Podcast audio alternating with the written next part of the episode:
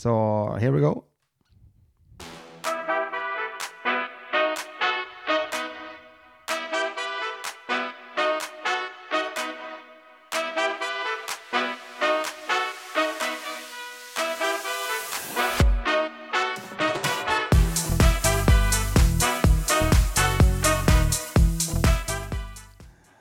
Hej och välkomna ska ni vara till Hackeripodden avsnitt 60. Oh, fyra tror jag det ska vara. Och idag är det ingen vanlig dag, eh, utan nu är det ju en, eh, en gäst idag. Fantastiskt, eh, och ingen, inte vilken gäst som helst heller. Det här är så jävla coolt. För er fastighetsdiggare där ute, hashtag fastighetsdiggare för övrigt, ehm, det är viktigt. Ehm, och då är det så här att ehm, den här personen är en av få personer som jag hittade på internet, cyberrymden, som eh, Meddi älskande säger. 2016, om inte annat 2015 för den delen också. Jag kollade inför det här, den, här, det här, den här träffen och det här mötet. Eh, då såg jag att jag hade köpt den här personens pdf, eh, e-bok tror jag de heter numera. Och eh, då hade jag ett inköp där eh, den 24 januari eh, 2016 och det är ju alltså lite över ett år innan jag köper den första fastigheten. Förutom det då så eh, sen gick jag all in på bigger pockets. Däremot så den här personen är inte från Amerikat. Sen att han bor i Amerikat, det är en annan sak. Och eh, jag hälsar hjärtligt välkommen till Lars Dyrendal. Tack så mycket Christian. Ja, välkommen. Det var så jävla ballet här för att vi har ju snackat eh, vid en lång stund eh, under flera år egentligen. Mm. Och, eh, och framförallt också följt varandras resor lite grann. Och idag äntligen träffas vi. Ja. I Sverige också för övrigt. Det är jättegött att äntligen få ses, för vi har ju hållit kontakten så det känns som vi har ja, gått och träffats nästan daglig, dagligdags eller veckodags och pratat av oss, men, ja. men så är det inte. Utan. Nej, det är så jävla coolt. Vi har blivit på vid sidan av varandra. Ja, ja det är ju det. Och, och sen är det så jävla nice för att eh, vi har ju, eh, vi satt ju precis och käkade en god lunch. Mm. Eh, shoutout till eh, Grimmeres krog. Eh, fantastiska människor och jävligt bra mat för övrigt. Super. Ja, och, eh, och vi, vi snackade lite grann och det är så jävla roligt för att höra våra olika stories. Mm. Ska vi nämna det att eh, vi båda två är pappor numera. Mm. Och det var du inte från början, utan nu har du en eh, liten... Ettåring. Ja, det du. Sen ja, ett år tillbaka har jag varit pappa. Ja. Det funkar bra. Lite, det är mycket att jobba med, men, men fruktansvärt kul att, ja. att se hur det går med. Ja, just det. Ja. Jag tänkte på det. Ehm, jag tänkte på, eh, jag, jag nämnde att du var, eh, numera bor i Amerikat, alltså i, eh, over there, i staterna. Spenderar mycket tid där i alla fall. Ja, så är det. Vi har bostäder i både Sverige och USA. Ni hör, ni hör, globetrotter. ja, det har blivit så. Jag, mm. Min amerika, fru är amerikanska. Så, så då blev det att vi kör lite både och. För vi, vi trivs i både Sverige och USA. Och vi har business i både Sverige och USA och fastigheter i både Sverige och USA nu. Och det är väldigt kul att hålla på med båda, för då får man se lite typ, ja, man, man öppnar upp och tänker lite mer på, man kan, man kan hitta något smart de gör i USA och, och kanske använda i Sverige, eller se något vi gör bra i Sverige och kanske använda i USA. Och, mm. på det viset sticka ut lite. Så det var kul. Grymt. Du, en, en grej som jag tittade på, du, du var ju rätt tidig med att ha en YouTube-kanal, i alla fall när det begav sig, och framförallt var den på svenska då. Alltså det var ju, alltså du var ju svensk och du investerade i fastigheter.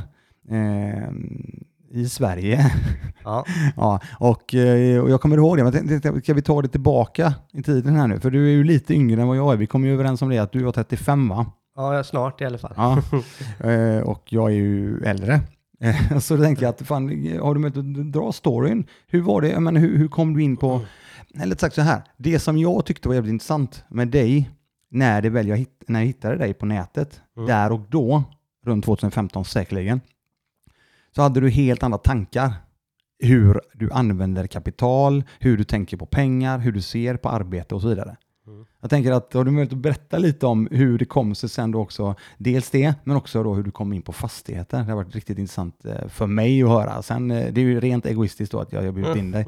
Sen att andra kan ta del av detta och lära sig, det är ju grymt. Ja, det är svårt att komma ihåg exakt vad jag tänkte, men jag vet, jag har alltid varit lite så det började ju när man, man var ung, så skulle man sommarjobba och sånt där. Och sen så efter, eh, efter gymnasiet så var det väl läge att prova att jobba lite sådär. Men jag trivdes aldrig med att jobba och gå på vanliga timmar och sånt av någon anledning. Så ah, halvdeppigt så fort jag började liksom vara fast i något som man var tvungen att göra om och om igen.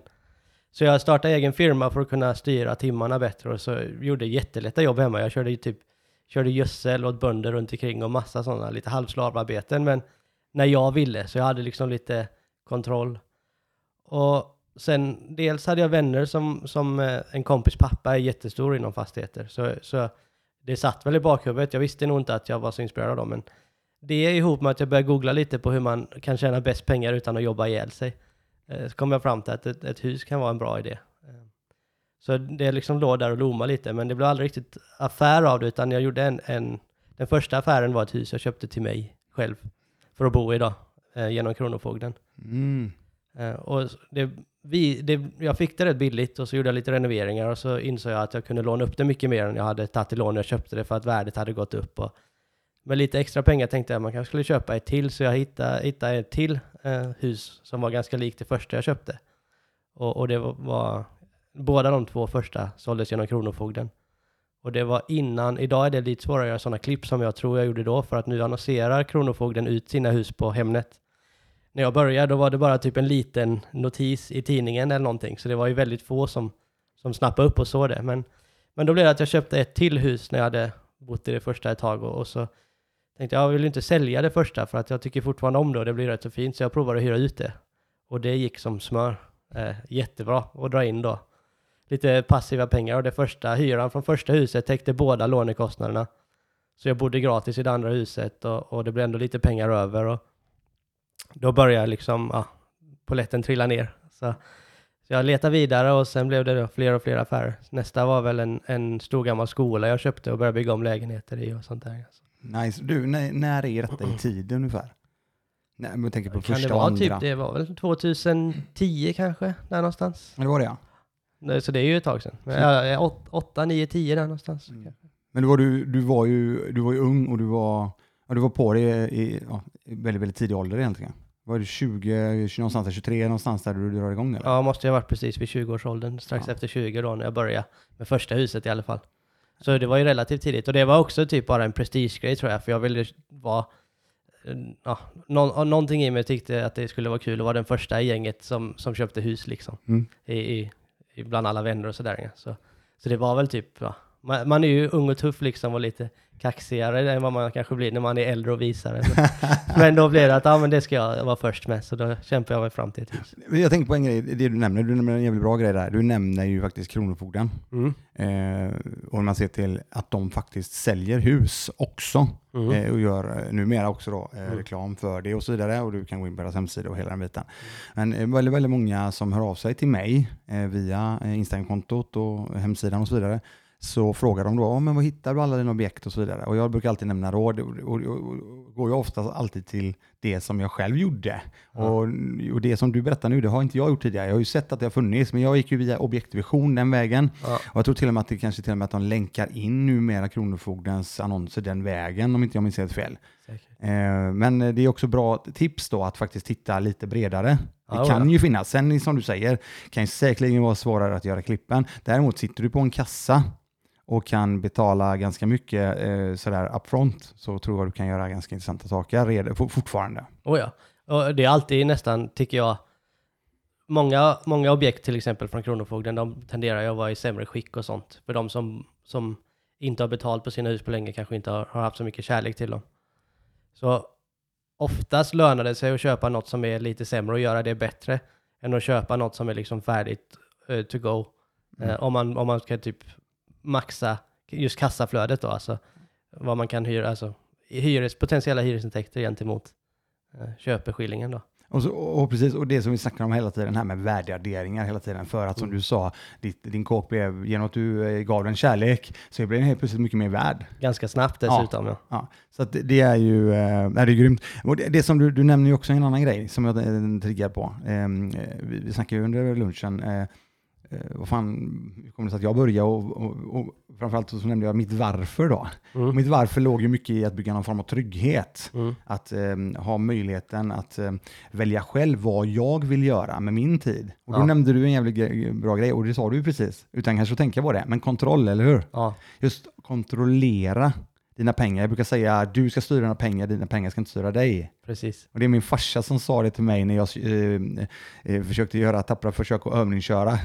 Och när han märkte det att, vänta nu här, nu kontrollerar bilen dig. Bilen tar dig dit bilen vill. Du ska ju styra bilen. Ja. Och då tänkte jag, fan det kan man applicera på exakt det vi gör, eller hur? Jag tycker det är allt, både typ pengarna och också vårt emotionella och hur vi mår och, och vår fysiska hälsa och grejer. Allting om vi bara typ åker med och tycker att det blir som det blir, då, får vi, då kommer du aldrig liksom riktigt dit du vill, utan vill du ha koll på pengarna så får du kontrollera pengarna. Vill du ha koll på hälsan så får du kontrollera vad du gör för att få en bra hälsa. Vill du ha ett psykiskt välmående så får du kontrollera var dina tankar går och hur du, vad du gör med ditt huvud liksom. Mm, ja, jag är så, det, det är så, ni hör det ute, det är ju så fantastiska ord här. Ta till er av det här, för det här är så jäkla viktigt. Det är verkligen det. Det är så, alltså jag hoppas, eh, jag hoppas att det, det blir lite sådana aha-upplevelser i det här dagens avsnitt, när, så, så ni verkligen tar till er av de här sakerna, för att det är så, eh, vi satt och snackade om det under lunchen också. Jag, jag kommer ta det som en... Sen att vi inte filmade det, det är en annan sak. Men det har faktiskt hänt, eller hur? Nej, men eh, vi säger det.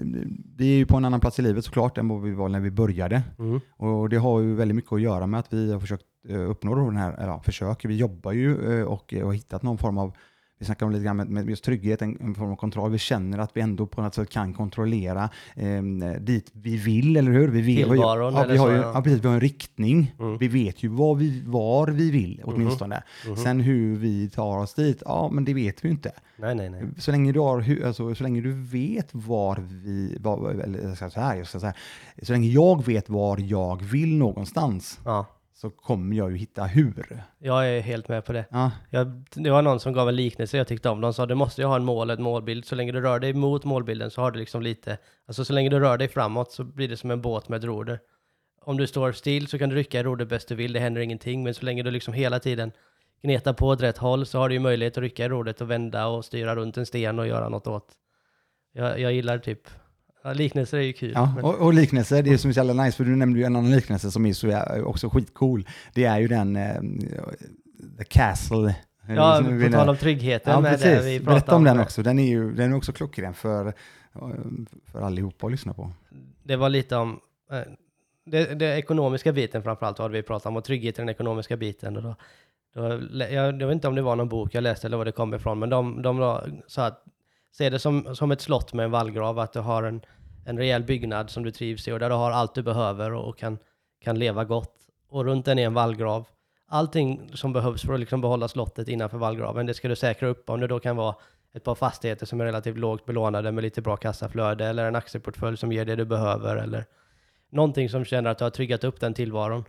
Och sen eh, när den är liksom garderad, då kan du fälla ner, fälla ner bron och gå ut i världen och börja erövra och, och ta över annat och göra mer, eh, ja, vara lite mer gambler och ta lite mer risker, för det kan ju ge jättebra betalt om man vågar ge sig ut och göra lite mer än vad som är bekvämt, men, men man lägger upp det på ett sätt där du aldrig riskerar vad du har innanför vallgraven.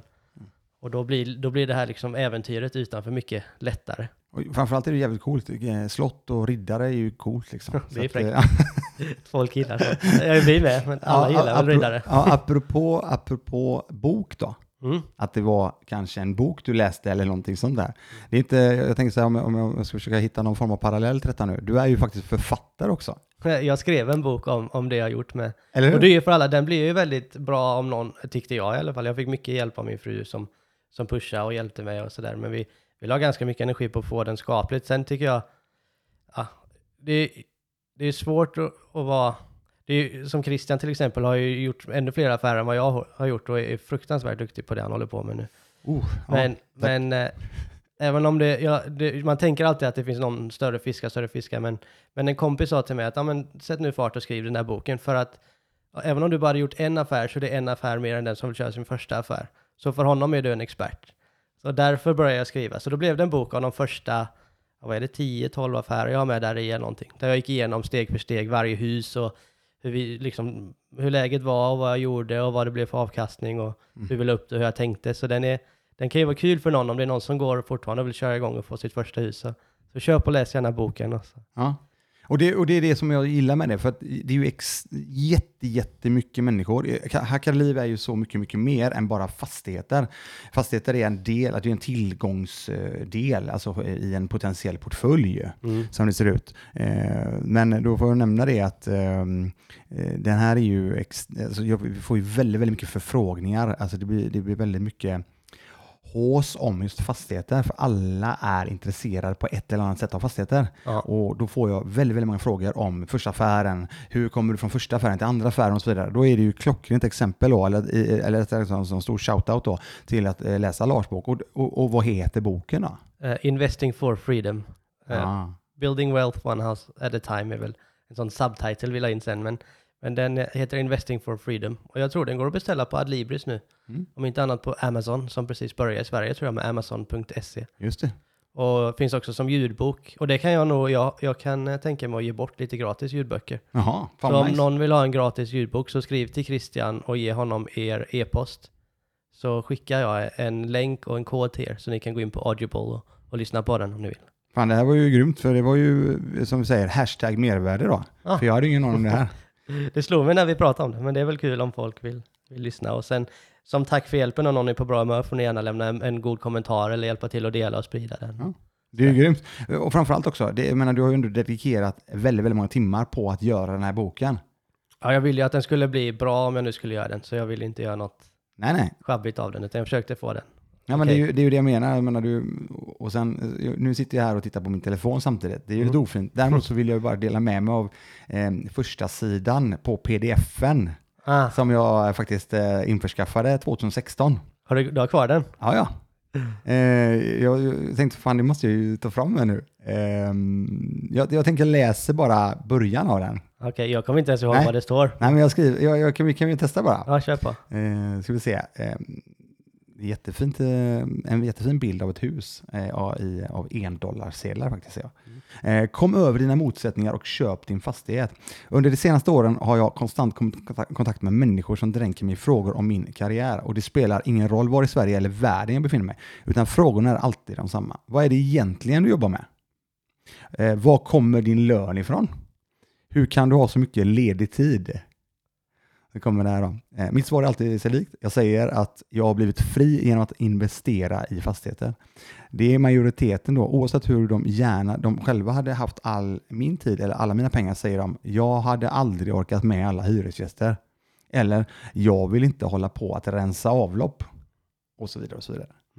Det var ett printscreen på första sidan. Kul. Ja. Och det där är inte boken, utan det är just det där dokumentet Ja. som var från början. Och de finns också fortfarande på min hemsida om man vill och, Ja, och ladda ner. Och det är väl, du gjorde dem 2015 någon gång eller 2014 eller? Ja, 14, 15, 16 Ja, någonstans. Men det är kul ändå att gå tillbaka och se. jätteroligt. För det är ju, eh, och det, det, det jag tycker är kul här då, det är att eh, jag har ju nämnt detta eh, hur många gånger som helst på podden och Instagram Live och hela den biten och även i de här inläggen som jag kör ibland. Jag menar, så fort jag säger att jag, nej, men jag investerar en del fastigheter och så vidare, eh, ja, det blir ju en, alla blir ju tokfullfrågor såklart, så fort jag nämner det. Däremot så är det så här att, ah fan, ja, fastigheter, ja, går bra nu. Ja, men vänta här nu, nu är det ju ändå så att det är ju inte så att du sitter och rullar tummarna. Och eh, jag har inte upplevt, no, alltså ja, jag har upplevt semipassiva inkomster och i vissa fall, vissa fall och längre tider passiva inkomster beroende på vilket tillgångslag inom fastigheter du, du har valt. Mm. Men du har ju då, nu kommer jag tillbaka till det, jag hade aldrig orkat det med alla hyresgäster. En sån här eh, invändning då som många skulle potentiellt kunna ha. Mm. Och det är ju faktiskt så att vi jobbar ju med människor. Mhm.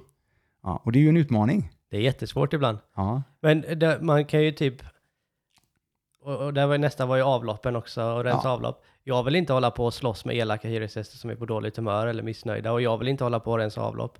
Men jag har inga problem i världen med att göra det kortsiktigt om det är res, alltså vägen till målet. mm.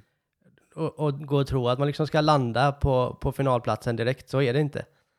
Utan där är ju lite motgång, alltså du får klättra över lite stubbar och berg ibland för att komma fram. ja. Och några, som- du har ju också fina uttag.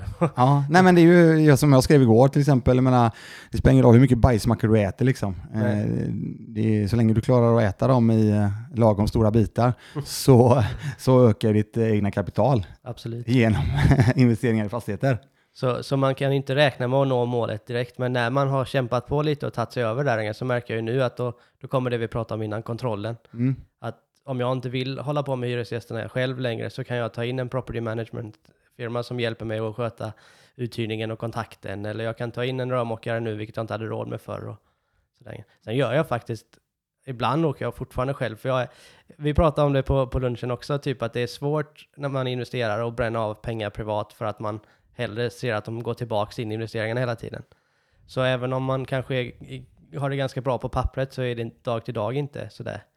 Så, så något jag började göra för att ibland lyxa till det när jag, var, när jag kände mig lite, ja, vill, vill ha det bättre, det var typ ta in en offert på något jobb som behövde göras i något av husen och sen göra det själv och spara, du vet, om en rörmokare ska komma ut och typ, ja, jag behöver byta avloppet från vasken ner i golvet. Eh, Det kostar 4 000 kronor. Mm. Och så kan man ut och göra det själv med lite grejer från Home Depot eller Ikea för 200 kronor och två timmar. Så brukar jag alltid ta hälften av det jag har sparat och bara bränna av på något kul. Ja. Då kan jag gå ut den kvällen och käka hummer och dricka champagne utan att ha dugg dåligt samvete liksom. Det där, det där du sa nu, det var ju så jävla bra. Det är ganska Ja, den är ju helt grym. Det är ju egentligen bara att tänka några steg längre.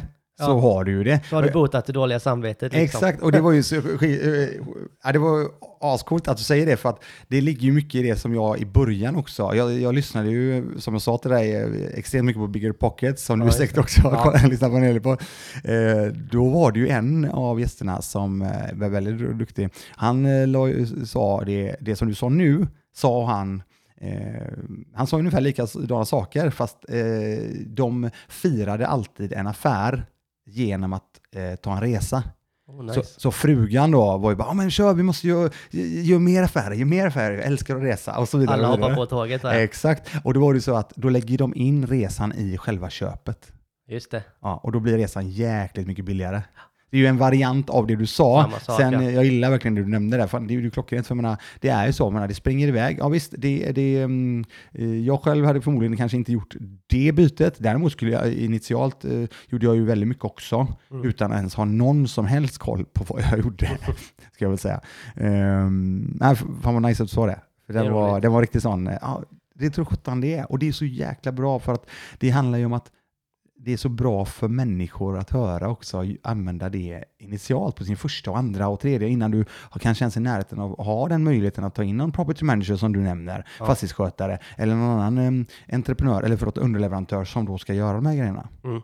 Och innan du kanske har hittat bra avtal och hela den här biten, innan du känner av läget och så. Ja. Det är också sjukt bra att göra mycket själv, både sköta kunder och hyresgäster och göra jobb på husen och sånt. Um, För när du har bättre koll, du lär dig så vansinnigt mycket om det. Och det gör dig mycket bättre på att anlita folk senare. För du vet vad de, alltså, du vet ungefär hur många timmar det borde ta, vad materialet borde kosta, vad, vad, vad som är svårigheter och vad som är... Då kan du ifrågasätta offerterna på ett helt annat sätt också. Ja, du blir mycket mer legitim i dina invändningar liksom. Ja, precis. Och sen är det ju också på, på ett annat sätt så tror jag också det kan bygga förtroende för de underentreprenörer du sen använder dig av. För när du bygger upp ett, en relation med underentreprenörer, till exempel hantverkare då, låt säga VVS-are, el, elektriker och så vidare, Mm. eh, och de eh, vet vad du går för och att du alltid levererar det du säger, så, så blir det ju en jäkligt god eh, synergi av det tycker jag. Jättebra. Det Ja. blir ju ömsesidig respekt, man vet vad, vad man har varandra och att, vad man snackar om liksom. Ja, nej men, och, och det är ju någonting som jag trycker på extremt mycket här i, ja, på hela, i, i hela Hackarliv-grejen. Att eh, det gäller ju hela tiden att försöka ge mer än vad vi faktiskt får. Eh, bygga relationer och eh, eh ja, leda, alltså genom att visa. Mm. Eh, som, är, som i slutändan då bygger förtroende. Jag, menar, jag snackar om konton. Eh, rörelsekontot, det är eh, investeringskontot och det är förtroendekontot Mm. som är så otroligt viktigt. Eh, det är ju väldigt mycket bättre att ligga på pluskontot när det gäller förtroende för mig. Ja. ja, och sen det ska ju vara långsiktigt. Vi ska ju vara i affärsvärlden länge och göra Ja. mer och större affärer. Det kan man inte bygga på massa liksom, ja, bråk och gnäll och, och girighet i början, utan det ska ju vara solid bas som man bygger på liksom. Jag är helt med dig. Men du, jag tänkte på det, för nu, du, gjorde, du började rätt tidigt med fastigheter, och sen fortsatte du löpande med detta Mm. i, i Sverige. Mm. Ja. Sen så tar du över till USA Mm. och träffar eh, i slutändan också då din fru. Ja, världens Numera. bästa fru. Ja, du ser. Shoutout till eh, Lars Dyrendals fru. Rachel, hon är suverän. Ja, du ser. Och det är det som är så nice. För hur länge har ni varit tillsammans nu? Vi gifte oss 16, och så, ja, jag vet, 14, 15. Vi Ja. träffades väl tidigare, men Jag höll på att säga att du var nykär, men det, det är du inte kanske då. det känns ju så fortfarande. det är ju bra. Ja, nu hör ni. hör ni det där ute i eh, cyberrymden? Att det är, eh, när du väl hittar rätt liksom, Ja, det- och, det är så ofantligt bra. För att, om jag nu ser till det, så jag, jag, också pratar om, jag pratar om min fru väldigt, väldigt mycket. Jag försöker även få med henne på podden, men det Mm. går inte så bra. Ehm, min fru Malin, är som jag nämnde det för dig, vi är 27 år i år. Mm, Eh, Du var åtta år när vi träffades, alltså min fru och jag. Det är lite skillnad. Ja, och jag, eh, och så, som jag säger, det är så otroligt viktigt att hitta en bra partner. Mm. oavsett vad ni gör i livet. Mm. För att eh, det handlar om, som jag sa till förut, trygghet.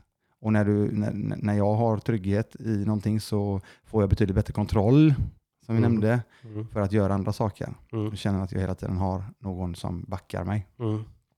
Och, ehm, och det är det som är så eh, intressant då. Jag ska ta det då eh, i och med att du säger att fan, jag känner mig nykär fortfarande. Mm. Efter sex, sju år, förlåt mig, kanske sju, eh, åtta. Något sånt. Ja, något sånt. Ja, det kanske hon ska lyssna på, för det är oftast de vill gärna ha de här datumen. Eh, 7 maj har vi i alla fall, 94. Jag vet vilken dag vi gifte oss. Ja, jag är försöker komma ihåg hur många Ja. år sedan det var. ja, det är bra. Nej men eh, det är just det, att, och idag kan jag säga efter 27 år så är ju det, det är, det är så grymt. Ja. Eh, Malin, eh, vi har ju växt, i, vi har ju växt upp tillsammans. Ja. Jag får faktiskt säga att vi växte ihop, men det har vi inte. Vi växte upp tillsammans och utvecklats tillsammans. Och idag, eh, förutom att jag då älskar henne, så är hon min allra bästa vän med. ja, just det. Ja. Så det är, eh, det, det är samma här. Och det är ju så man vill ha det. för jag menar, om du ska göra business så är det bra att du... eh, Alla har ju tyvärr inte detta. Jag får den frågan ganska mycket också. Ja, men min, min sambo, om inte ha- han eller hon inte alls tänker inte lika som jag. Och, nej, det, och det fattar jag ju. Alla, vi tänker väldigt olika allihopa. Men då är väl ändå början, är väl, och, och om de vill köpa en fastighet så är deras första jobb att, att berätta för sin respektive varför och hur de tänker och försöka vinna över dem Precis. snarare än att gå ut och leta hus. Exakt, likadant som vi pitchar då, eller säljer in olika saker till eh, olika människor eller olika, inför olika, eh, jag, kan bara, jag kan bara nämna då, eh, jag har ju nämnt det tidigare nu här senast, eh, Ford Mustangen vi nämnde. Eh, Mm, den- Jättekul, den- eh, ser fram emot Ja, att se ja den den, den andra, den andra bilen då, det var ju, då började jag ju, var jag tvungen att försöka sälja in det först till mig själv. Mm. Ja, och likadant som jag försöker sälja in någonting sånt till mig själv så skulle jag ju kanske då behöva, låt säga en fastighet. Om jag nu är Mm. intresserad av det som vi snackar om fastigheter idag, ja, då får jag ju på ett eller annat sätt kanske försöka pitcha och sälja in detta då till min partner. Ja, precis samma. Och jag tycker det är jättebra för det, det finslipar min... Ja, jag kastar mig kanske inte bara in i någonting utan först funderar jag ut precis på hur jag vill lägga upp det. Och sen när jag känner att jag har koll på läget och kan i princip svara på alla frågor, då kan jag pitcha det för min fru. Mm. Och så ifrågasätter hon de svaga länkarna så får man kanske tänka en runda till och sen... Men, men en bra partner då, de går inte emot utan de, de hjälper en att lyfta den till en bättre nivå snarare än att bara hitta fel och sparka på den. Mm. Och när du väl har lärt dig att pitcha in-house då, eller Mm. internt, Mm. så är det ju extre- eh, väldigt, väldigt, väldigt, väldigt, bra att använda mycket av det när du ska pitcha till banken till exempel, Mm. eller potentiella andra partners, Mm. för att ta ner den här pjäsen, eh, fastigheten eller vad det nu vara, eller göra den här dealen. Mm. Jag håller med. Ja, att eh, försöka få med det, att eh, inte bara, eh, utan använda allting vi faktiskt lär oss. Mm. Och, eller sagt så här, jag säger så här, jag kommer aldrig, jag kommer aldrig mm, följa någon slaviskt på något sätt och det, jag tycker verkligen inte det är bra. Utan jag tycker det är så jäkla mycket bättre att så fall lyssna på många människor, Mm. se, eh, som ändå gör saker, eh, som står för saker och plocka godbitar och Mhm. se vad som funkar för en själv. Mm. Och genom det sättet bygga sitt egna game, som Mm. jag nämner. Mm. Det håller jag med. För då blir ju du, du dig själv. Mm. Då bygger du upp dig själv på något sätt istället för att eh, copy-pasta helt och hållet någon annan. Mm. Det tycker jag, det tycker jag är väldigt konstigt. De, du blir nog mest besviken när du... Alltså även om du skulle ha allt som, som din idol har så, så är det fortfarande du när du står där och då kommer du stå där med samma problem som du hade innan och samma personlighet och samma person. Mm. Nej, jag med. Du, men, men sen när du kommer över till USA, Mm så helt plötsligt så börjar du faktiskt eh, med, din, med ditt eh, tänkande från Sverige, så börjar du, du slutar inte titta på fastigheter. Nej, det var ju... Ja, först var jag i Kalifornien ett tag med en kompis där jag träffade min fru då, men hon är från Florida. Så när vi var i Kalifornien då man, det hade ju gått att göra bra affärer där med, men jag blev lite knäsvag när jag kom dit och insåg att de kostar typ ja, 20 miljoner och inte kronor utan 20 miljoner dollar för ett bra hus ute där vi bodde liksom och då blir allting, ja, man blir lite rädd så det blev aldrig några affärer i Kalifornien men, men sen eh, i Florida då var fortfarande väldigt billigt efter finanskrisen 08. Så, så min fru är från Florida och vi började leta runt där hon kommer ifrån och köpte på oss hus efter hus. Det blev rätt många rätt fort, eh, men också fristående ville mycket. Eh, och, och så blev vi ägare till en hel del hus som vi fortfarande äger och hyr ut då i den mån vi kan. Är det single families? Många är. Ja. Och sen några duplexes och Ja. lite, någon trailer och sådär. Ja, nice. Coolt. Köpt och sålt lite grann. Ja. Ja, det är jätteroligt. Ja, men du har ju, om, det, det, vi snackade lite om det också på, eh, på, på lunchen här. För eh, jag har ju inte exitat, jag har ju exitat en enda lägenhet kan man säga, sen jag startade 17 Ja. med fastighetsinvesteringarna. Men Ja. du har ändå köpt och sålt lite grann va? Ja, ja, ska jag vara ärlig så är jag avundsjuk på dig för jag hade ju haft, suttit i en bättre båt om jag behöll allt. Men, men eller ja, det säger jag, men, men det är ju inte säkert för mycket av det jag tjänar hjälpte mig att köpa nya hus, större hus, kanske andra hus. Så, så det är ju typ, det är ju, ja, det var rätt så gött. Jag har exit ibland också. Mm. Och, Och, och, och göra en bra affär, för en bra affär är ju en bra affär oavsett vad som händer sen liksom. och det är det du, det du säger nu, det är också någonting som jag har landat i nu. Eh, en god vän till mig, han har varit med i podden också, eh, Mm. som eh, Camillo, jobbar för Tapajos. Eh, eller förlåt mig, jobbar inte på Tapajos, han äger en, en av ägarna för Tapajos. Och han har ju varit en, ja, han har varit en mentor för mig. Mm. Eh, fantastisk människa. Och framförallt en jävligt bra vän. Mm. Så, och han har, eh, precis det du pratar om nu. Det, ibland är det bra Christian att exita saker för att sen också då ta de här pengarna och köpa något större potentiellt. Ja. Så att eh, jag ska säga så här, jag var ju väldigt sådär eh, slavisk i, initialt på buy and hold, buy and hold, det, var, det, det, säger, jag, det, det, det passar mig, buy and hold, buy and Ja, hold. ja. Ehm, jag har ju väl landat i det att eh, nja, men det kommer inte vara buy and hold hela tiden, utan det kommer faktiskt bli en del exits under vägen också Ja. för att kunna fortsätta då, för jag vet ju vad jag ska. Jag hade en grej, jag gick igenom en fas där, det var egentligen fel av mig, men jag vet när man ägde grejerna så typ jag var väl väldigt kritisk mot mig själv i början, mer än vad jag är nu, men då, då kunde jag hitta typ, ja men det där är ju lite fel på huset och den där behöver nog bytas och undrar om någon verkligen vill köpa det här eller ha det här. Så det var därifrån ett par exits när man faktiskt insåg att man hade gjort riktigt bra affärer som folk var beredda att betala mycket mer för än vad jag hade gjort. Mm.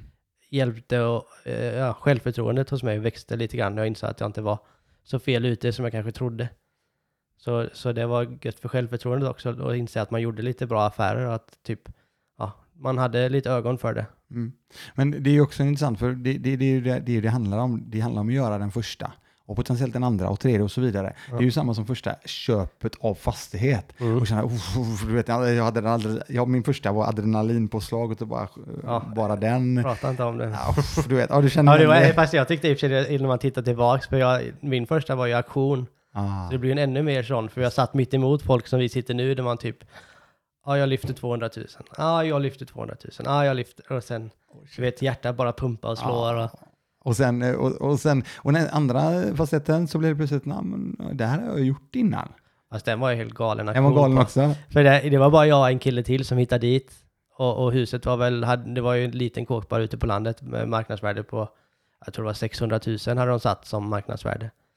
Och, och den andra killen han bjöd 200. Ja, men då bjuder jag väl 250. Och så vart det helt tyst. Nej, det skiter jag jag går hem, sa han. Och så, så gick han ut.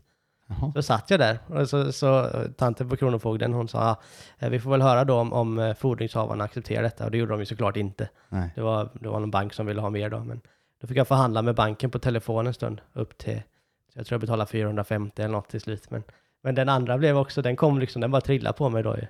Ja. Så det var ju kanske, ja, jag hade ju tur. Ja, jo men återigen, men det är ju det som du säger, för att eh, då hade du gjort en via Kronofogden Mm. och då känner du att ah, fan, det kanske finns något annat när du börjar titta igen. Eh, och det är ju tillbaka till det då vi snackade om Kronofogden till exempel som du då började med. Jag började via objektvision. Mm. Sen får jag ju frågan då, men vad hittar du alla dina objekt? Mm. Ja, och då, för mig då, så har det faktiskt varit i princip från första fastigheten. I samband med första köpet så byggde jag en relation med den mäklaren genom att jag committade så som jag gjorde där och då. Mm.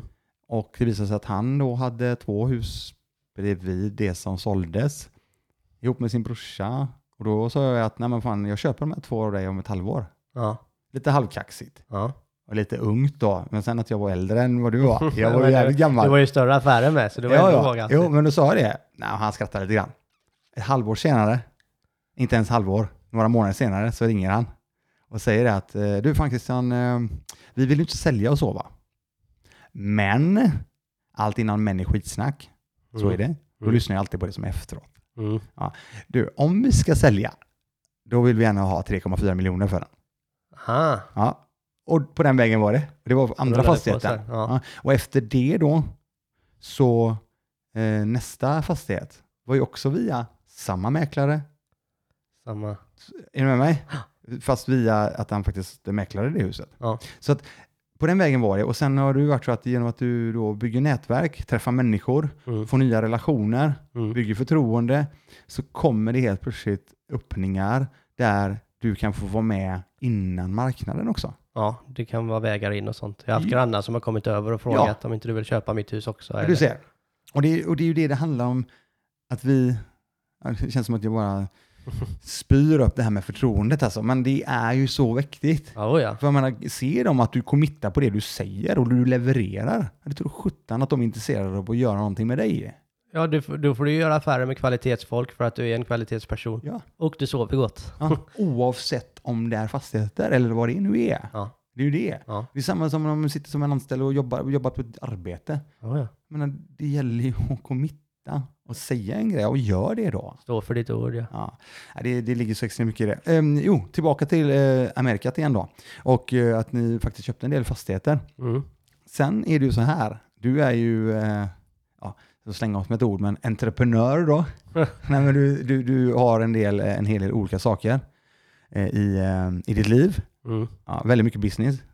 Ganska mycket business. Ja, okej. där. Det finns, man tycker det, men jag är ju en väldigt liten fisk i ett stort hav. Jo, jo men ju- det är ju jag med. men, liksom, men, det, att- men det är en passion, det är Ja, det ju helt vi klart. gillar som att man- tänka, eh, jag brukar säga det att eh, folk säger, ja men tänka utanför boxen och det gör du Christian. Ja men jag undrar lite grann, men vilken box, är- vilken jävla box snackar de liksom? Jag ser ingen box. Nej. Nej.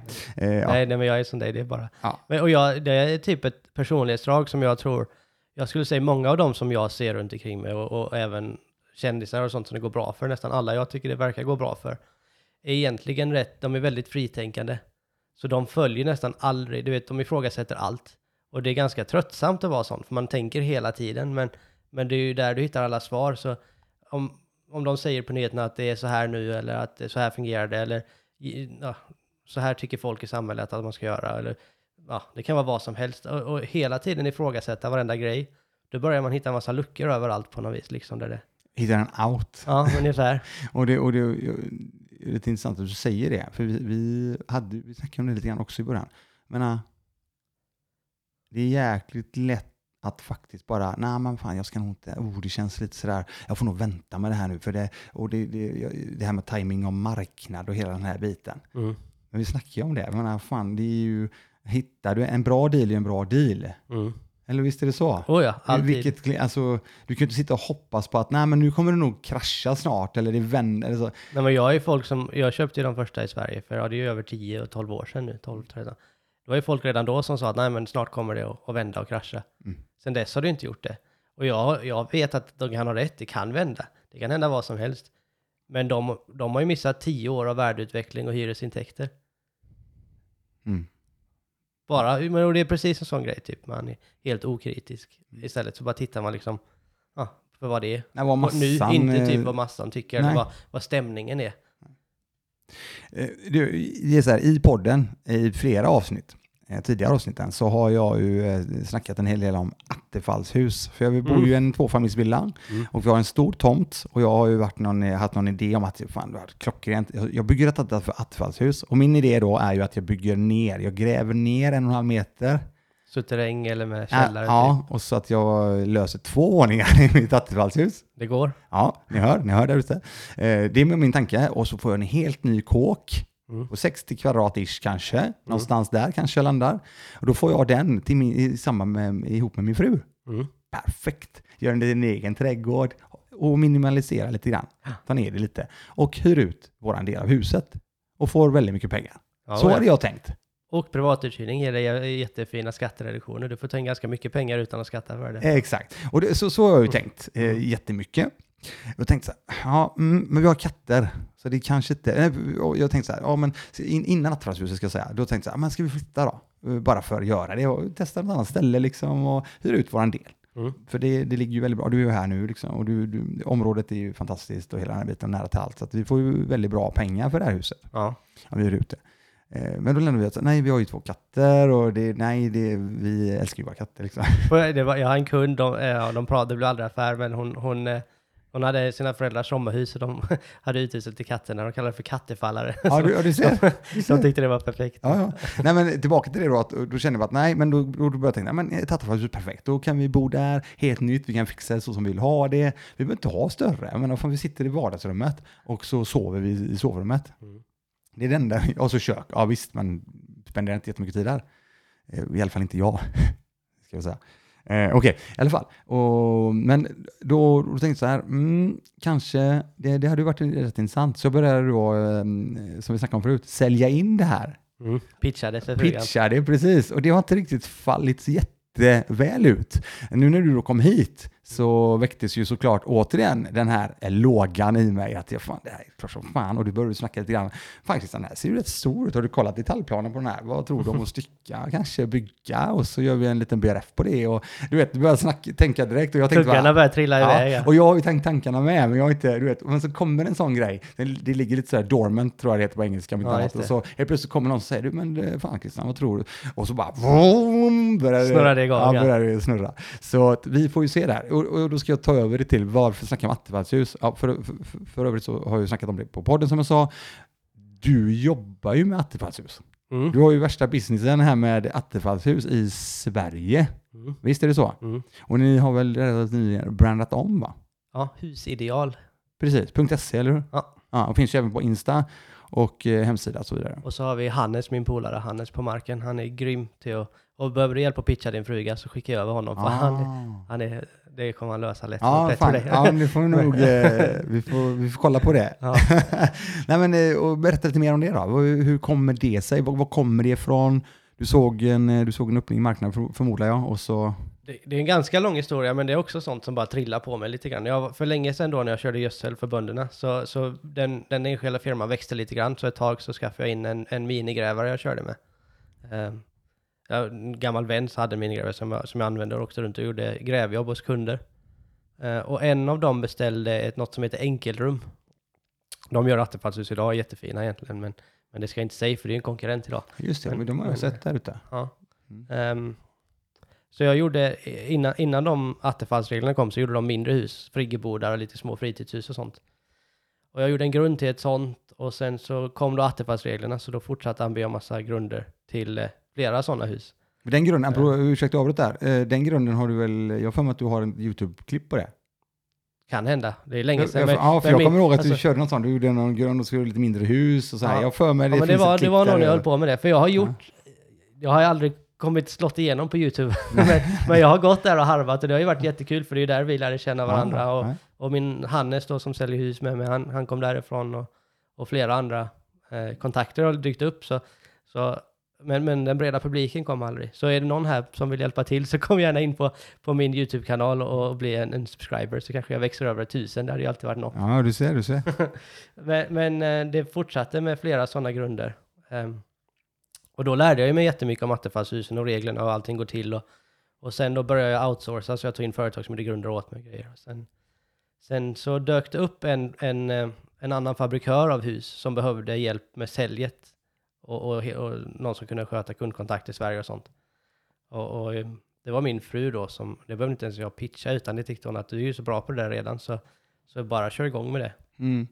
Och då tog jag Hannes till hjälp som, som eh, så då blev vi två som började kränga ut hus i Sverige. Det. Och det har gått jättebra och nu har vi vuxit till oss lite och vi har eh, ett par tillverkare av hus då, nyckelfärdiga. De kommer liksom, så vi bygger dem i en fabrik helt färdiga och kör dem på lastbil och bara lyfter dem på plats. Mm.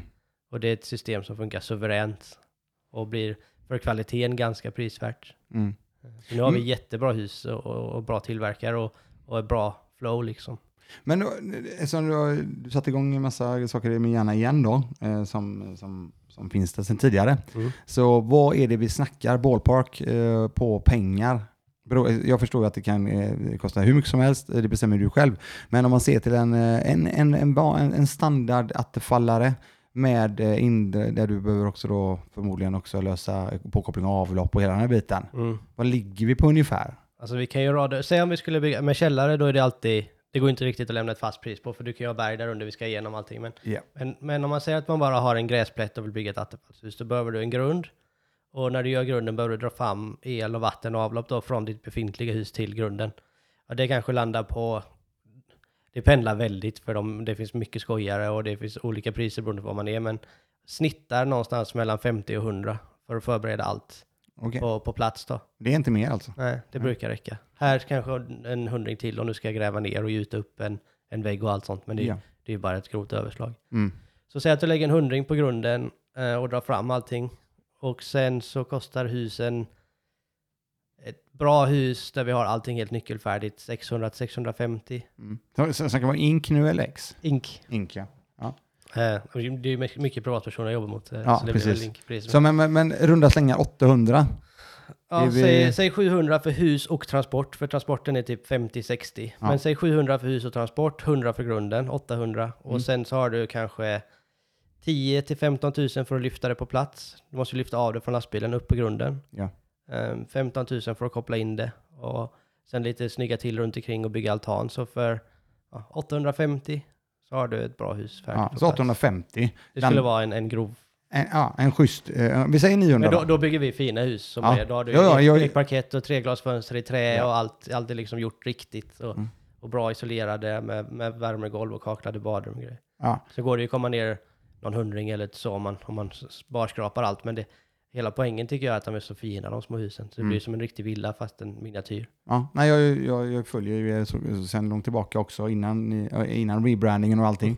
Och eh, eh, jättefina grejer. Så stor rek för att kolla på det. Men låt säga en miljon, vi säger det. Vi säger en miljon, då får du ett Ja. fantastiskt fint hus. Och så då när du och jag sitter här och tänker, vi snackar ju lite grann, så, men vänta nu här, hur eh, hämtar vi hem det här nu då?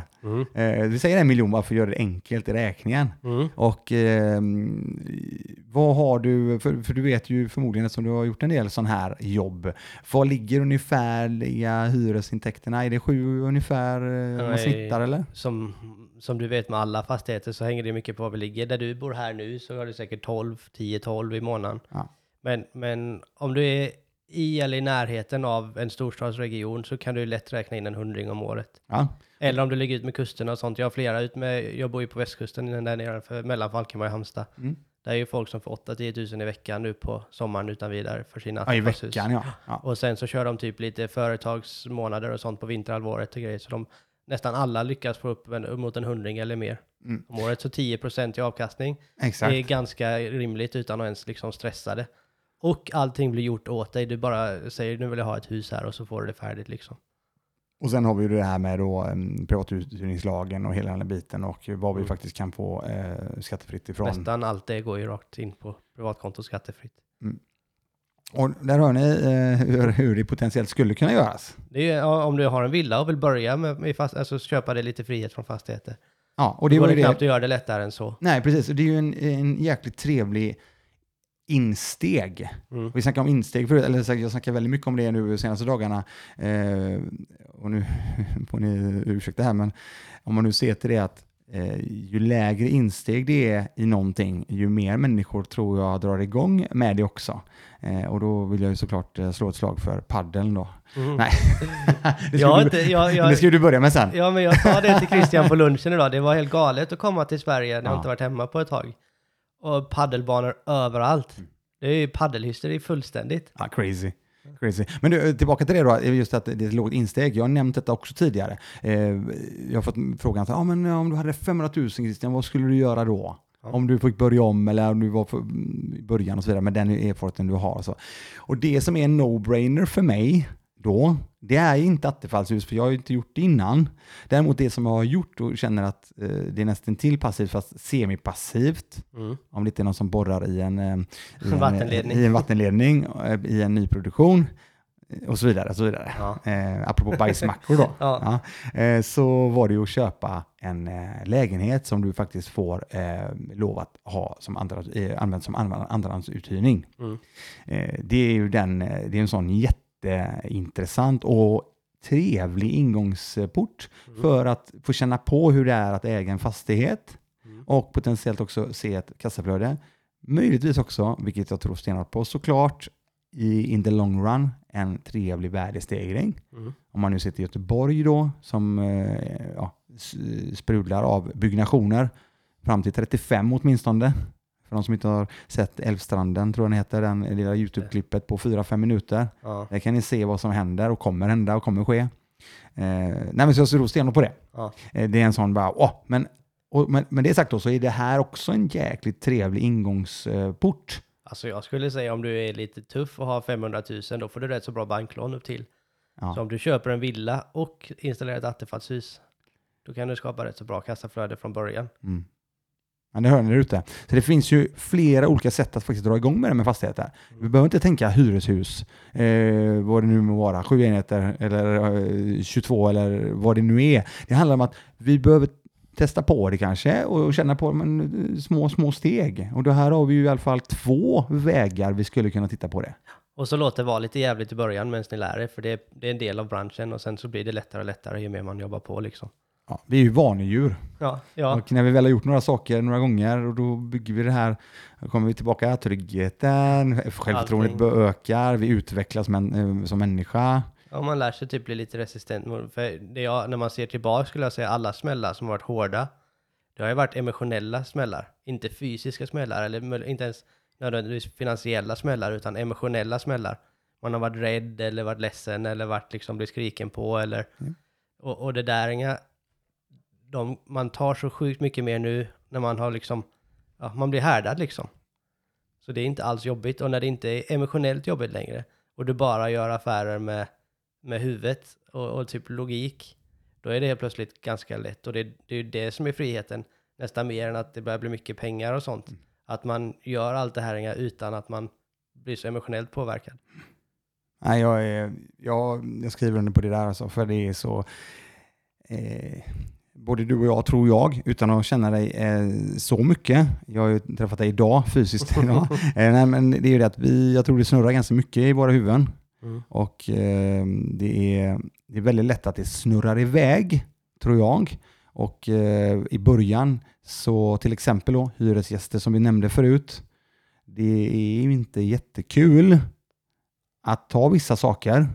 Och det ligger, eh, jag har legat väldigt mycket vaken om- nätterna och, och eh, sett, eh, du vet, spelat upp scenarier i min, mitt huvud. Och, jag vet inte om du känner igen, känner igen dig? Precis samma. Ja, och det gör jag inte ens i närheten idag som jag gjorde förut. Nej. Så att där har ni, där är lite av våra resor, mentala resor. Och jag ser inte något sätt att bara landa i och vara helt, om man inte är soci, sociopat, vad heter det, sociopath och är Ja, helt iskall, Ja. Så ser jag inte riktigt hur man kan landa där utan att få erfarenheten och lära sig bygga upp en väldigt stark tro till vad man tror är rätt och fel och vad man, vad man har för skyldigheter och när man blir utnyttjad för att den mänskliga kulturen är ju sån, hur man än vänder och vrider på det, att folk tar gärna vad de kan få. Lillfinger och sen armen och så vidare. Så, så man måste själv bestämma liksom var gränserna går och hålla sig till det. Mm. Och, och känner man sig trygg med vad man har för standarder så liksom blir det inte så jobbigt längre. Du, eh, tillbaka till det här med attefallshus. Du tog ju det såklart eh, till nästa nivå. Mm. Eh, för attefallshus är väl ingen, ingen jättestor grej i USA ännu. Eh, däremot så tänker du, eh, men vad fan, eh, det, det måste finnas någon eh, annan variant här i det goda landet eh, USA då.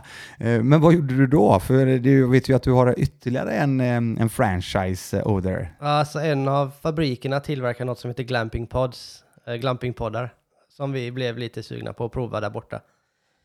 Så vi, eh, vi köpte dit en container med sådana och byggde upp dem. Eh, De, de var så... Det började... Det var ju samma där man tittar kritiskt på allting och det vet jag folk pratar om att importera och de började importera eh, skandinaviskt timmer till USA.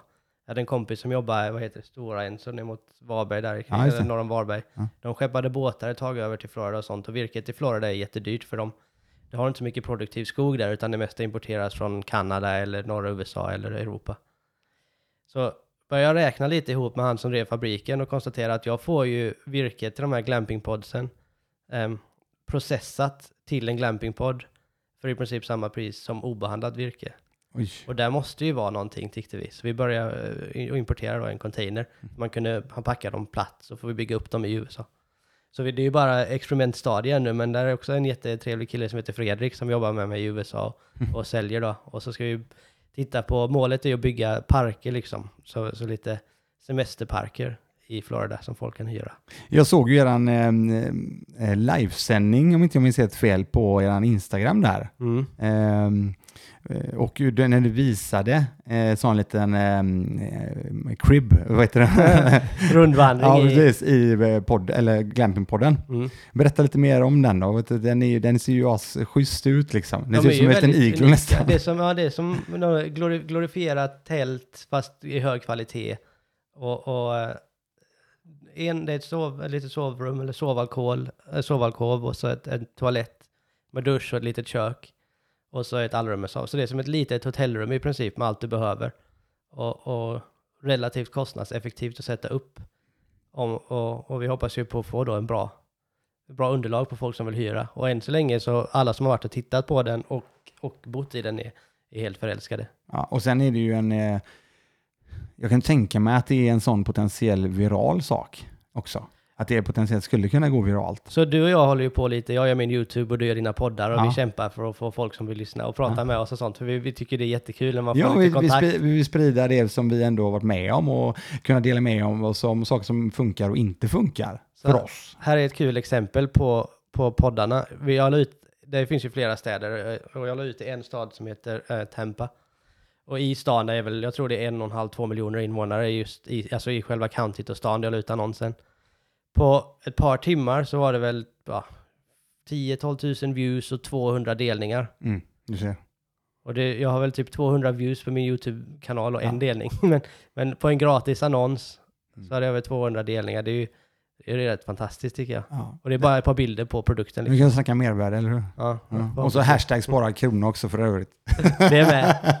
Så, så det tyckte jag var coolt att det var sånt sug liksom. Sen så är det, vi har inte kommit igång med någon större försäljning än utan det, det blir förhoppningsvis framöver. Än så länge är det väldigt svårt med, det är, det är lite nytt där borta så det finns inte riktigt några lagar och regler kring det i, hos kommunerna som gör det lätt att sätta upp hemma. Nej. Så, vi får se vart det landar liksom. Ja, precis. Nej, men de har, ju, eh, de har ju en helt annan kultur när det gäller den här eh, trailerparksen och så vidare. Mm. Det är ju en, eh, om man alltså, går till Bigger Pockets till exempel. Som, Jag har inte köpt någon än, men jag har varit och tittat på en hel del. Det, det lockar, en trailerpark är, är en Ja. rätt så fin affärs. ja, det är ju det. Och Och, som ägare. och Brandon är ju jävligt duktig, Turner. Mm. Och han har ju sitt team och sin, eh, sina olika fonder han dragit igång nu, vilket jag tycker är kul. Mm. Eh, För jag undrar honom allt det, för jag tycker han är jäkligt duktig på det han gör. Jättebra. Och han har ju verk- verkligen eh, nischat sig över nu då helt och hållet nästan på eh, trailers, Mm. trailer parks.